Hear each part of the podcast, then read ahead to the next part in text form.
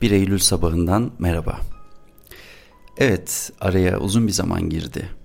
Geriye dönüp baktığımda aslında kocaman bir aile olduğumuzu bana fark ettirdin. Nasıl mı yaptın bunu? Dinleyerek, yeni bölümler ne zaman çıkacak diye sorarak. Bu teşekkürle başlamak istiyorum. Ama asıl teşekkürü sen kendine etmelisin. Çünkü yayınladığım hiçbir bölümde senin motivasyonunu yükseltmek değildi amacım. Ki böyle de yapmadım. Bundan sonra da böyle olmayacak. Sen bilinçli olarak bu bölümleri dinliyor ve kendine dönüyorsun. Her bölüm seni iyi hissettirmeyebilir. Zaten amacım da iyi hissetmen değil. Öncelikle onu söyleyeyim. Belki de fark etmen, anlaman. Çünkü bazen anlamak, farkında olmak acı verebiliyor. Biliyorum bunu. Buna rağmen yayınlarımı dinlemiş olman bence büyük bir istikrar. Bu yüzden asıl teşekkür sana. Dedim ya uzun bir süredir podcast yayınlamadım. Bu süre zarfında aslında ben de kendime doğru bir yolculuk yaptım. Mesela tatilin sözcük anlamı bende birazcık da tembelliktir. Ama bunu yapmaya çok fırsatım olmadı. Şu işte bitsin, şu da olsun, sonra keyif yapacağım. İşte tembellik yapacağım diyoruz ya. Aslında o çok mümkün olmuyor. Bazen keyif yapabilmek için bu kadar uzun vadeli planlar yapmamak gerekiyor. Çünkü bir yerde aksaklık çıkıyor ve sen kendini yine bir işin içinde bulabiliyorsun. Tabii bu biraz kendimizle de alakalı. Yani ne olursa olsun seni meşgul edebilecek bir alan yaratıyorsun kendine. Çok şikayetçi miyim? Yani onun da cevabı yok maalesef. Bu zaman diliminde seanslarıma devam ettim. Sene başından bu yana gizli gizli çalışarak devam ettiğim bir proje vardı. Onu da bitirdim sayılır. Ama şimdi burada söylemeyeceğim. Bir de uzun zamandır birçok öyküden oluşan bir kitap fikrim vardı. O da bitti sayılır. Şimdi bu zaman diliminde elimden geldiği kadar üretken olmaya çalıştım ben. Bir taraftan da yeni bölüm ne zaman yayınlansın diye kafa yordum. Peki sen ne yaptın bu süre zarfında? Yani sana iyi gelecek, üretkenliğini destekleyecek ne yaptın? Bu arada bir şey yapman gerekmez öyle söyledim ama düşünmek de bir o kadar önemli. O zaman şöyle söyleyeyim. Ne düşündün? Paylaşmak istersen sosyal medya üzerinden bana yazabilirsin. Şimdi böyle bir girizgahtan sonra bu bölümün konusuna değineyim istersen. Neden terapi almalıyız? Bu soruyu cevaplamaya çalışayım. Daha önce de bunun üzerine konuşmuştum ama bir şekilde hayatlarına temas ettiğim insanların bu konuda ikilem yaşadıklarını fark ettim. Yani aslında terapiye ihtiyacı olduğunu düşünen bir kesim var ki bunların büyük bir kısmı eyleme geçiyor ve destek alabiliyor. Bir de bir parçası kırık ama bunu kendi imkanlarıyla onarmaya çalışan, yardım almayı henüz gerekli görmeyen, bir şekilde üstesinden gelebileceğini düşünen bir grup da var.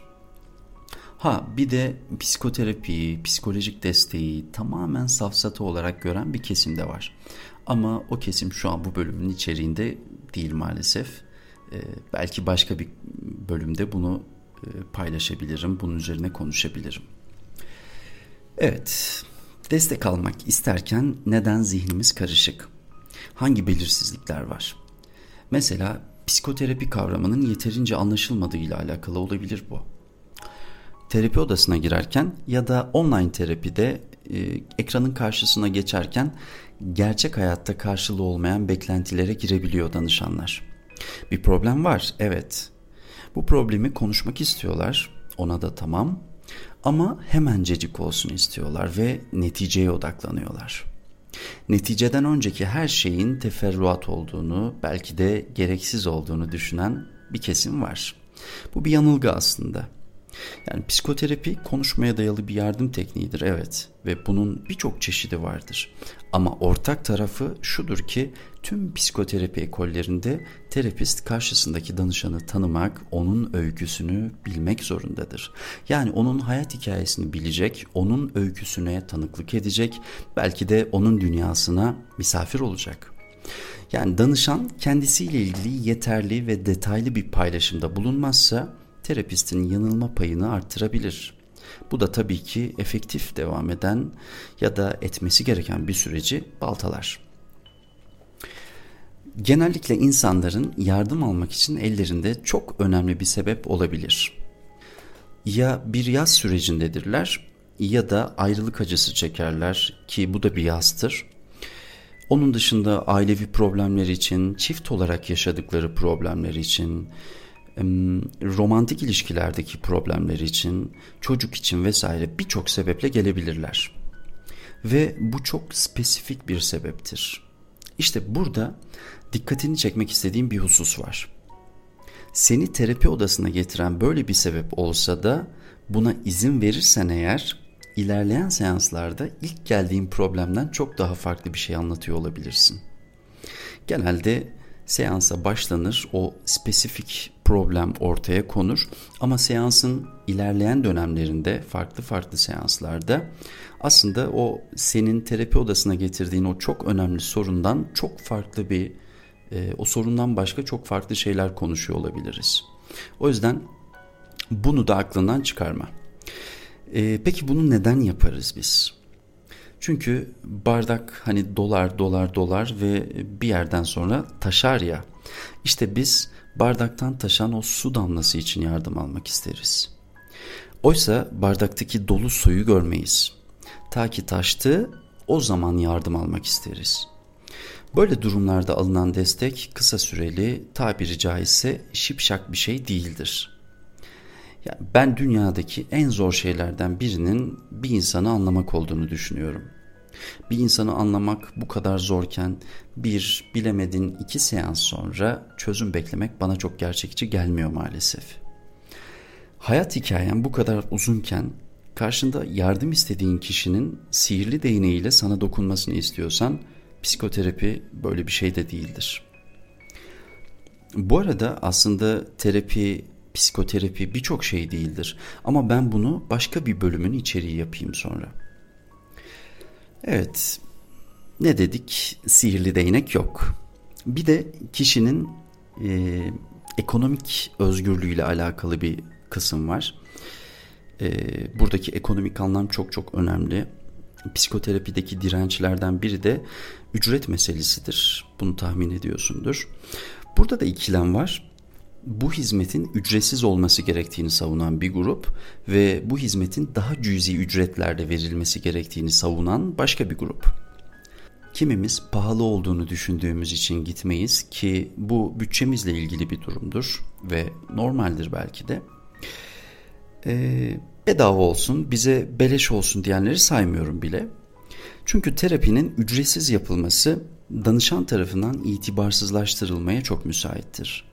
Bunu ilk zamanlar tecrübe kazanmak e, adına yaptığım seanslarda deneyimlemiştim. Ücret kısmı danışanın da terapistin de sürece saygısını artıracak ve devam ettikçe bu saygıyı koruyabilecek önemli bir parçadır. Önemli bir bileşendir. O yüzden e, bunun dengesini sağlamak çok çok önemlidir. Biraz terapiye başlamanın önündeki engellerden bahsetmiş gibi görünsem de sen buradan neden terapiye gitmeliyiz sorusuna da cevap bulacaksın. Daha önce de söylemiştim. Psikoterapi bizim kendimize dışarıdan bakabilme kapasitemizi arttırır.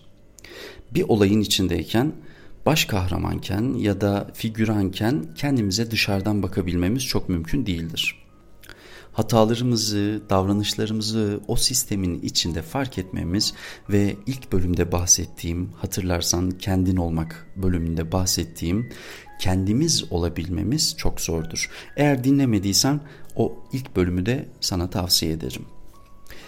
Biz her ne kadar direnç gösterip geciktirsek de en sonunda hayat bizi gerçeklerimizle karşı karşıya bırakabiliyor. O gün bugündür diyoruz ve başlıyoruz. Ama e, bazen o günü beklemeden de e, bazı adımlar atmak çok çok etkili olabiliyor. E, az önce danışan cebinde spesifik bir sorunla gelir dedim ya. Aslında bununla çelişecek başka bir durum da var. Danışan kendisine sadece dışarıdan bakabilmek için de gelir. Kendisini anlamak, içinde neler olduğunu bilmek için de gelebilir. Kim olduğuna dair bir fikri olmayabilir mesela kendisiyle tanışmak için de gelebilir. Terapiye başlamak kişisel bir devrimin ilk adımıdır bence. Çünkü kişi bir anlamda kendisine yatırım yapıyor. Hangi davranışı neden yaptığı üzerine düşünür. Ha Bu arada cevabı terapist vermez. Yani bu davranışı sen neden yapıyorsun cevabını aslında yine danışan verir. Danışanın kendisi bulur ve fark eder. İşte mucizevi olan da aslında budur. Psikoterapi terapist ve danışanın karşılıklı konuştuğu bir süreç olarak bilinse de bence aslında danışanın monologlarından ibarettir. Terapist sadece buldurtmaya yönelik sorular sorar, yorumlar yapar ama bulan danışandır. Terapiye bir de neden başlamalıyız sorusunun başka bir cevabı var. O da benim için çok çok önemlidir.